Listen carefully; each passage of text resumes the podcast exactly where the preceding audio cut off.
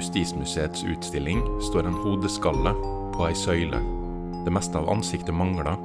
Noen få tenner sitter igjen i restene av kjeven. Men det mest oppsiktsvekkende er spikeren. En stor jernnagle har blitt hamra inn gjennom hodeskallen med stor kraft. Der sitter den enda. Vi veit ikke så mye om hodeskallen. Verken kjønn, navn eller alder. Eller når dette mennesket levde og døde.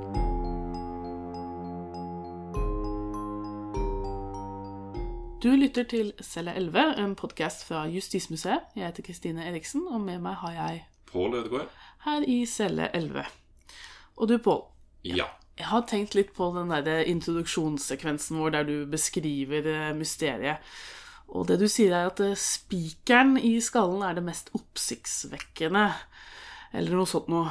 Og da tenker jeg Jeg er ikke helt enig med det. Jeg syns ikke spikeren er det verste med skallen. Når jeg kommer inn i eh, utstillingsrommet, så er det selve skallen og det at det mangler ansikt, som er skikkelig ja, ekkelt, nesten. Ja, når du sier det på den måten, jeg er absolutt ikke uenig i det. Altså, det var nok det første jeg la merke til sjøl første gang jeg så den. Eh, og, som en ser når en kommer inn i utstillingsrommet, det at hele ansiktet mangler. Ja, når vi beskriver skallen, eh, som vi kommer til å gjøre i denne podkastserien ganske mye, så er det viktig kanskje at lytterne blir oppfordra til å se på foto av skallen, som vi selvfølgelig legger ut på vår Facebook-side, Selv11. Ja, da skal vi legge ut eh, foto slik at publikum sjøl kan få se på detaljene som vi tar opp og snakker om. Når det gjelder det her med spikeren, da, så var det nok noe som gjorde inntrykk på meg eh, ganske tidlig når jeg, lette i eh, opptegnelsene som Vitenskapsmuseet sjøl har om gjenstanden. For der står det en plass det at eh, ja, det er spiker som er slått inn i skallen, og den går helt inn i øverste nakkevirvlene. Eh, og det, det sier noe om hvilken kraft den spikeren ble slått inn i skallen på. da At den gikk tvers igjennom og ned og festa seg i nakkevirvlene. Eh, jeg tror det er akkurat den beskrivelsen som har satt seg hos meg, da, og, og som gjør at eh, ja, spikeren eh, gjør inntrykk på meg, altså. Ja.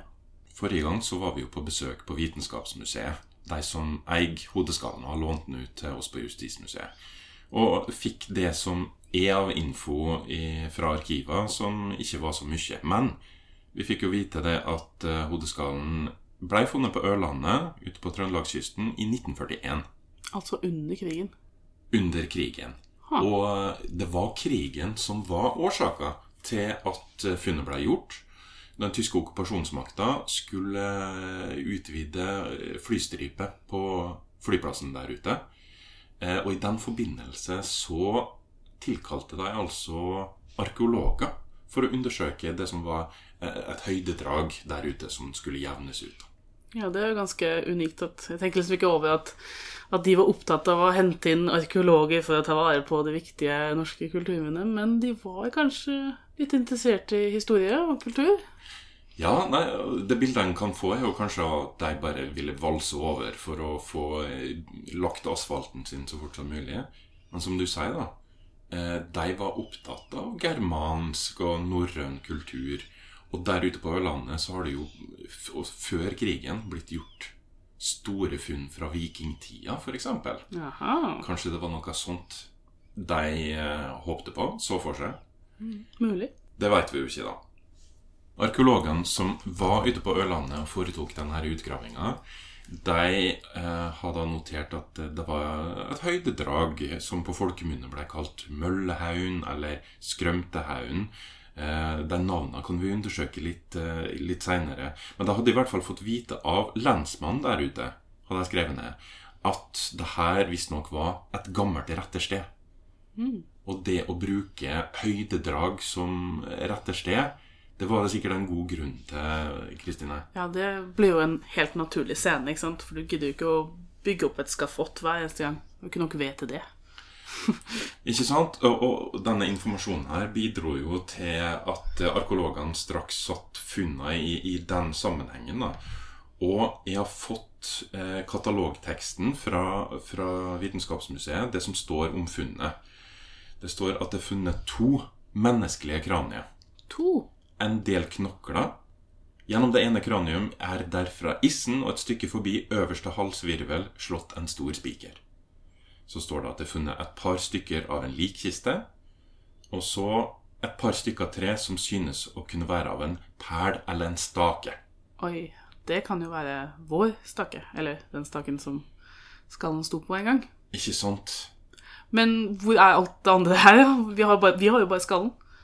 Ja, her er saken. Jeg fikk vite i går fra Vitenskapsmuseet da jeg undersøkte. Resten av funnet er nå registrert som bortkommet. Hva?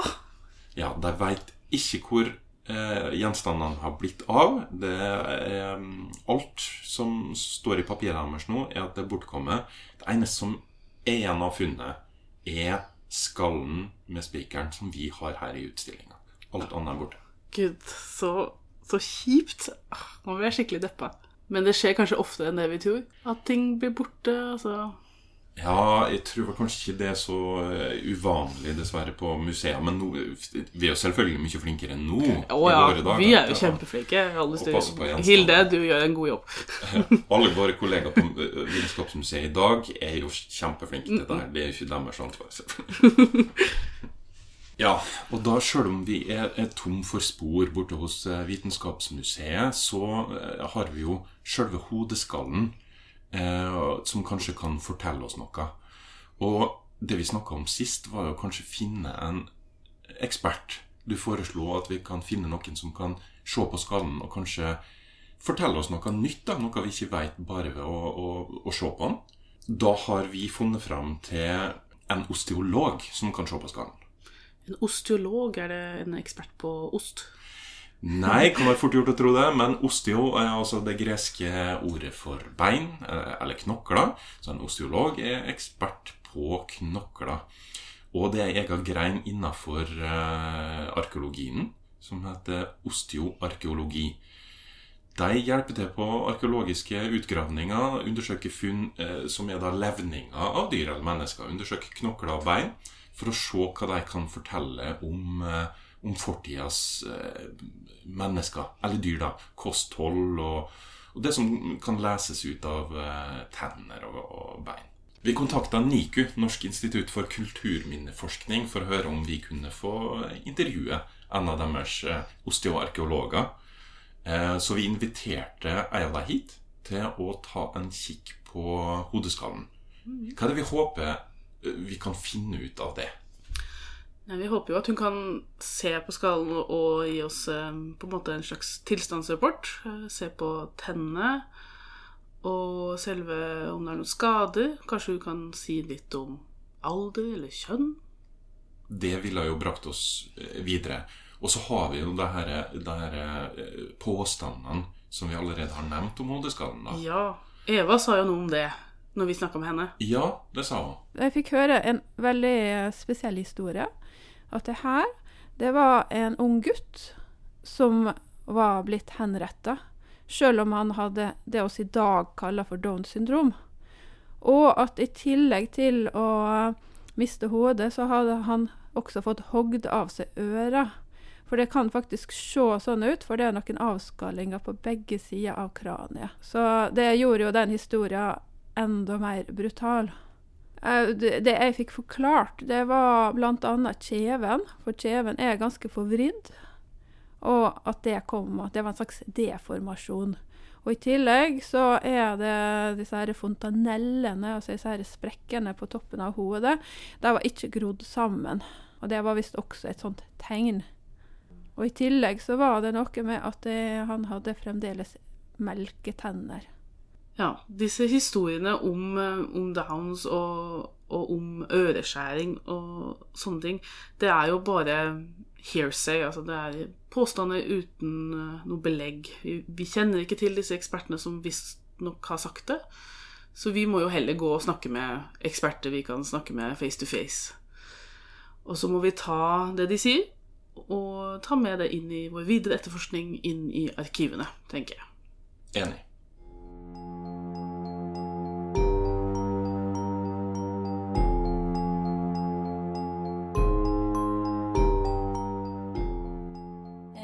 Hei, eller? Ja. Jeg heter Monica Friden Rolsås. Jeg er osteorkolog for NIKU i Trondheim. Hva tenker du når du Er det noe som eh, fanger oppmerksomheten din sånn umiddelbart? Foruten den store spikeren i hodet, så er det jo Han har jo to hull til. Så er det sånn at han har jo mest sannsynligvis bare hatt én. Og de har gjort det på flere forsøk da, for å få til noe skikkelig truffet. Ser det nesten ut som. Det kan jo være den ene kan være skada under der han har dødd. Og så har han jo utrolig dårlige tenner. Han har en bakerste eksjon, visdomstennene, er jo kjempefin, så de, han er jo ikke, det er ikke et kjempegammelt individ. Men så har du jo noen tenner som er nesten er helt nedslitt. Og så har han mista tydeligvis noen tenner sjøl som før han døde. Og så har han jo en liten sykdom der. Hva, hva peker du på nå? Her. Ja. Det er jo en sykdom. Og? Det er jo noe som har spist opp uh, Spist opp panna hans. Spiste opp panna. Ja, beina har bare begynt å Ja, Si at dette her ikke er en sykdom vi får i dag. Det kan jo være kreft, da. Sånn, for det spiser jo, det kreft spiser opp beina. Gjør det jo. Så det kan jo være Jeg sier ikke at det er kreft, altså, men det ser ut som det er en bakteriell infeksjon eller noe sånt som har gjort at pannebeinet er utrolig tjukt og tåler ganske mye. Så det er sånn der har Så det innvendige der, det er ikke sånn som en skadestøt etter døden eller noe Nei. sånt? Det ser ut som nesten at beinet holder på å spise. det. For han har her og har han spor at han har noe sykdom. Han har noen bakterielle infeksjoner som har holder på å spise opp kranene hans. Ja vel? Ja, det har han også på kjevebeinet her. Det skal egentlig være ganske tjukt. Ja, Der det ser litt sånn svampaktig Ja, her er svampet. alle svampetegnene er tegn på at her er noe som har spist, spist opp hodet hans. Ja vel? Jeg sier han er noe veldig bastant. Ser det ut som en uh, han? Det er litt sånn han er, Det er litt sånn mannlige trekk over han. Men han er ikke en sånn klassisk mann. Okay. Så det er mer sånn mann-spørsmålstegn. hvis jeg kan si Nå skal man ikke passe et kjønn kun på kranet, egentlig. Nei. Men hvis du ser her bakom, så er mannfolkene har litt mer muskelfeste her. Og den står jo litt ut. På bakhodet ned mot Bak, nakken? ja. Og der eh, Vi damene er litt mer sånn glatt. Kjeven ser jo ganske rett ut. Det er en av mannfolkene, for de har litt rette kjeve, mens vi gjør litt mer sånn mjukere. Samme som her, som det er spist opp, da. Mannfolkene har en mye mer kraftig Ja. her enn det vi har. damene. Så det ser ganske kraftig ut, egentlig. Så ser ganske mannlig ut. da. Ja vel. Men det Du nevnte noe om eh, visdomstenner. Ja. Han har jo bakerst i jekslene. De ser jo ikke slitt ut i det hele tatt. Nei. Og de kommer opp ved 18-årsalderen. Så sånn aldersmessig så har han jo ikke hatt de tingene der så veldig lenge før han har dødd. da. Og det ser du jo på de andre eh, tolvårsjekslene. De ser heller ikke så veldig slitt ut. Så det er ikke noe sånn eh, alders Du kan ikke si så veldig mye om alderen egentlig ut ifra dem. Så han ser ikke så veldig gammel ut. Men nå er det vanskelig, for vanligvis ser vi også på hvordan de rillene her Ja. Om de er sammenvokst eller ikke, men nå er han jo fryktelig skada pga. De har hogd akkurat i det som på en måte definerer litt alder òg. Ja, for uh, spikeren som fortsatt står fast, den Ja. står midt i sømmen. De står midt i sømmen. Ja. Så den har gjort at det òg har sprukket litt. Pluss at det sprekker jo når vi ikke har noe vev som binder det sammen lenger. Men og så ser vi her, så er det ganske åpent. Og det bak i bakhodet er jo noen av de første som vokser sammen. ja. Så det er ikke sånn kjempegammelt individ det er snakk om, altså. Det er ikke. Okay. Ok. Men du vil ikke si noe eh, Jeg vil si 20-årene, Ok. vil jeg si. Men Ikke yngre?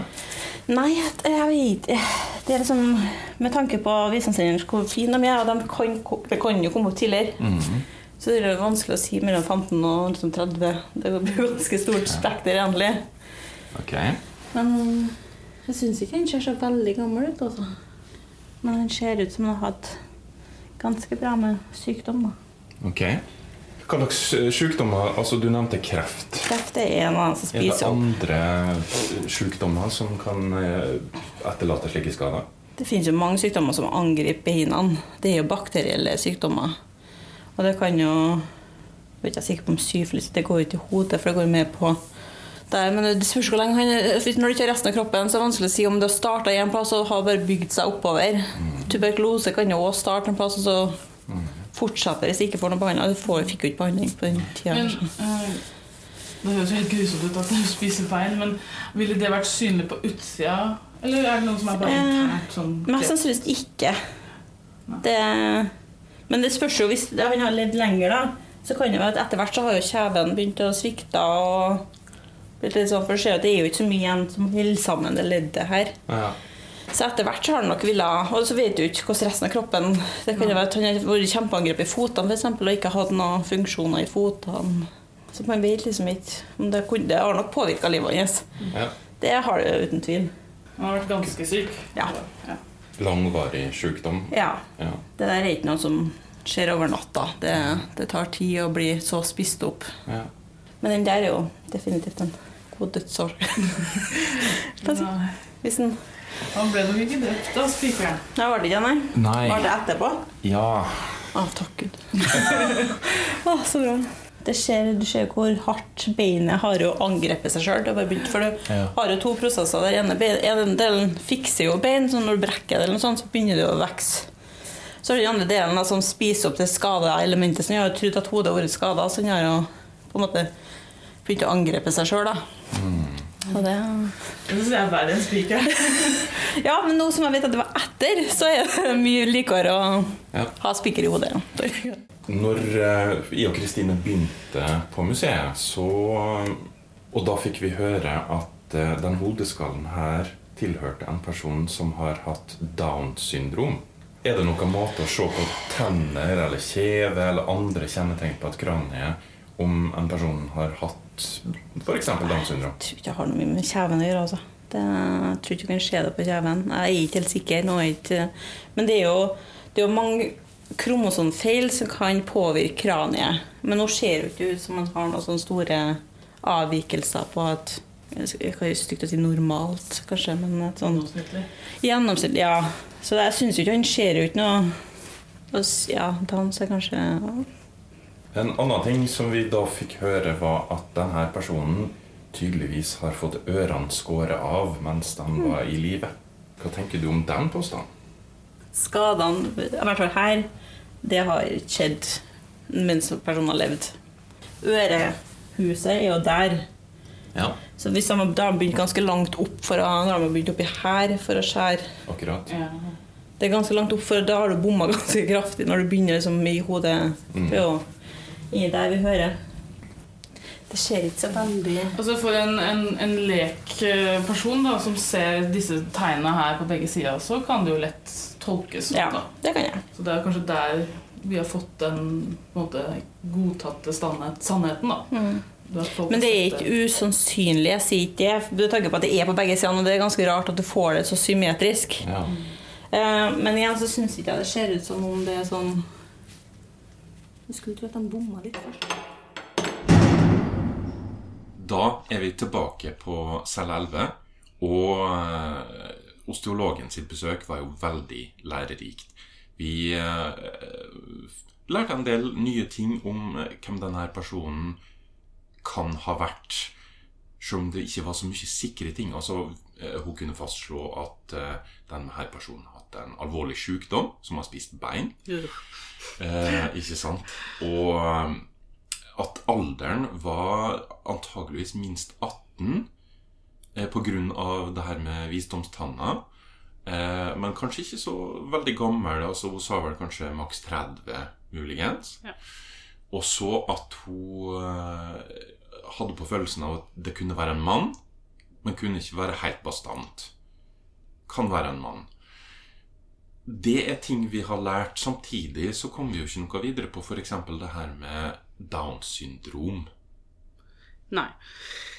Men jeg har kontaktet en, eh, en annen type ekspert okay. fra Universitetet i Bergen. En uh, Gunnar Hauge, professor ved Klinisk institutt i, eh, på Universitetet i Bergen. Og han var veldig hyggelig og svarte neste med en gang om dette her med om man kan se downs på kraniet. Og det han sier, er at det går an å se, men da må vi ha røntgen. ok. Så det man ser, er visstnok da eh, en Jeg veit ikke helt hva det er, men det er en sånn bit inni kraniet som kan eh, sammen, sammenlignes. Og så er det også noe med selve kjevefasongen, altså selve eh, den bøyen på tenna, liksom, hvordan de er smale eller, eh, Ok. eller brede. Men da må man igjen ha ordentlig røntgen for å virkelig se. Eh, og så er jo også vår skalle ganske mm, litt sånn ødelagt. Du ser jo hvordan kjeven liksom stikker litt ut, så det kan hende at ikke det, det går an engang. Ja. Eh, men det er jo ingenting som er 100 sikkert, sier han også. Dette her er bare sånn gjennomsnitter. Ja. Så for å virkelig vite det, så må man nesten ta en DNA-test. Akkurat. Men røntgen og DNA, det har vi jo allerede etablert at det er en stor prosess. En må søke skjelettutvalget for å få lov til det. Men vi har jo andre spor vi kan forfølge først. Så eh, når det gjelder det her med eventuell røntgen, DNA og, og det her vi kan kalle for Downs syndromsporet, skal vi bare legge det til sides og, og prøve å komme videre ved å kanskje gå i arkiver og den slags?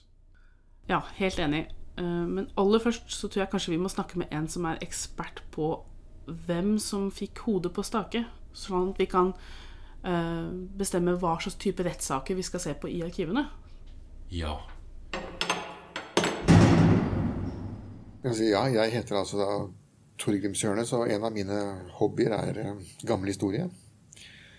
Så det jeg har eh, gjort da, som mitt eh, hobbyprosjekt, det er å forsøke å kartlegge alle som er blitt henrettet i Norge mellom eh, 1687 og 1876. Så det er en prosess som fremdeles pågår. Så foreløpig så har jeg kommet ut med tre bøker, og den fjerde kommer nå til sommeren.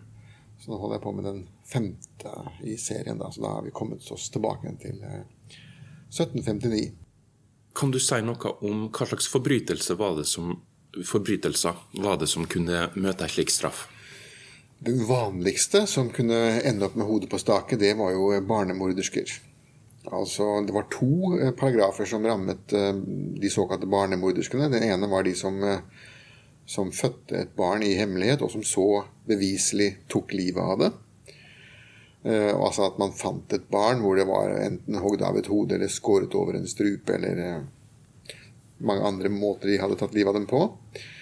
Men så var det en annen gjeng med, med damer som bare fødte barnet i stillhet, og man fant ikke noen merke på det, men det ble ansett for å være fødsel i dølgsmål, og da sa faktisk loven at de skulle behandles som om de hadde drept barnet da. En fødsel var altså noe man måtte offentliggjøre for å slippe unna straff. Og de eh, barnemorderskene, de som fødte i dølgsmål, de skulle da halshugges. Eh, Etter hvert eh, med øks ble det spesifisert.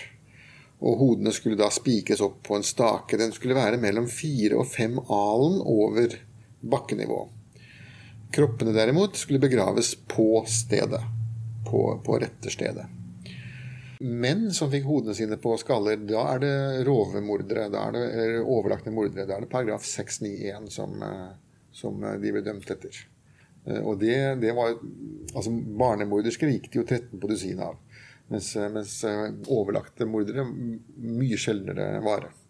Eh, var da skarpretteren fra Trondheim i dette tilfellet da, som fikk jobben å, å utføre selve halshugningen. Mens derimot oppspikringen på staker ble gjort av nattmannen, altså for å si det på en annen måte søppeltømmeren.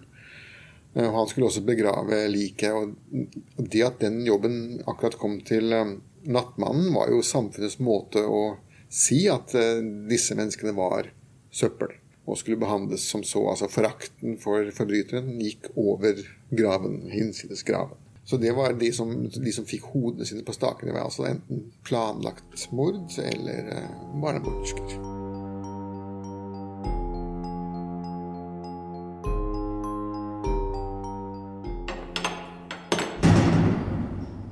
Ja, da er jeg tilbake på celle 11. Og vi har hatt en ganske utrolig egentlig samtale med Torgrim Seernes. Det var mye interessant.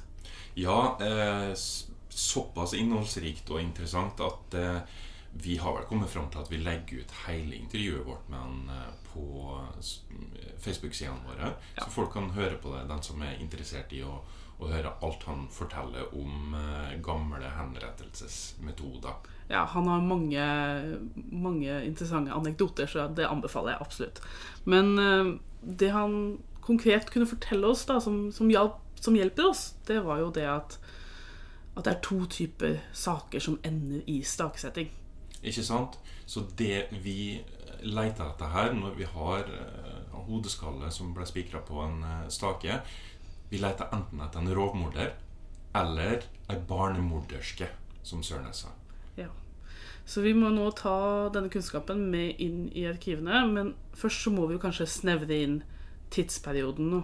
For ellers så har vi jo ikke sjans. Ja. Så kanskje vi, før vi begynner bare å grave fritt i arkivene, så skal vi kanskje snakke med en arkivekspert som kan veilede oss litt når vi går inn i arkivet. Det begynner vi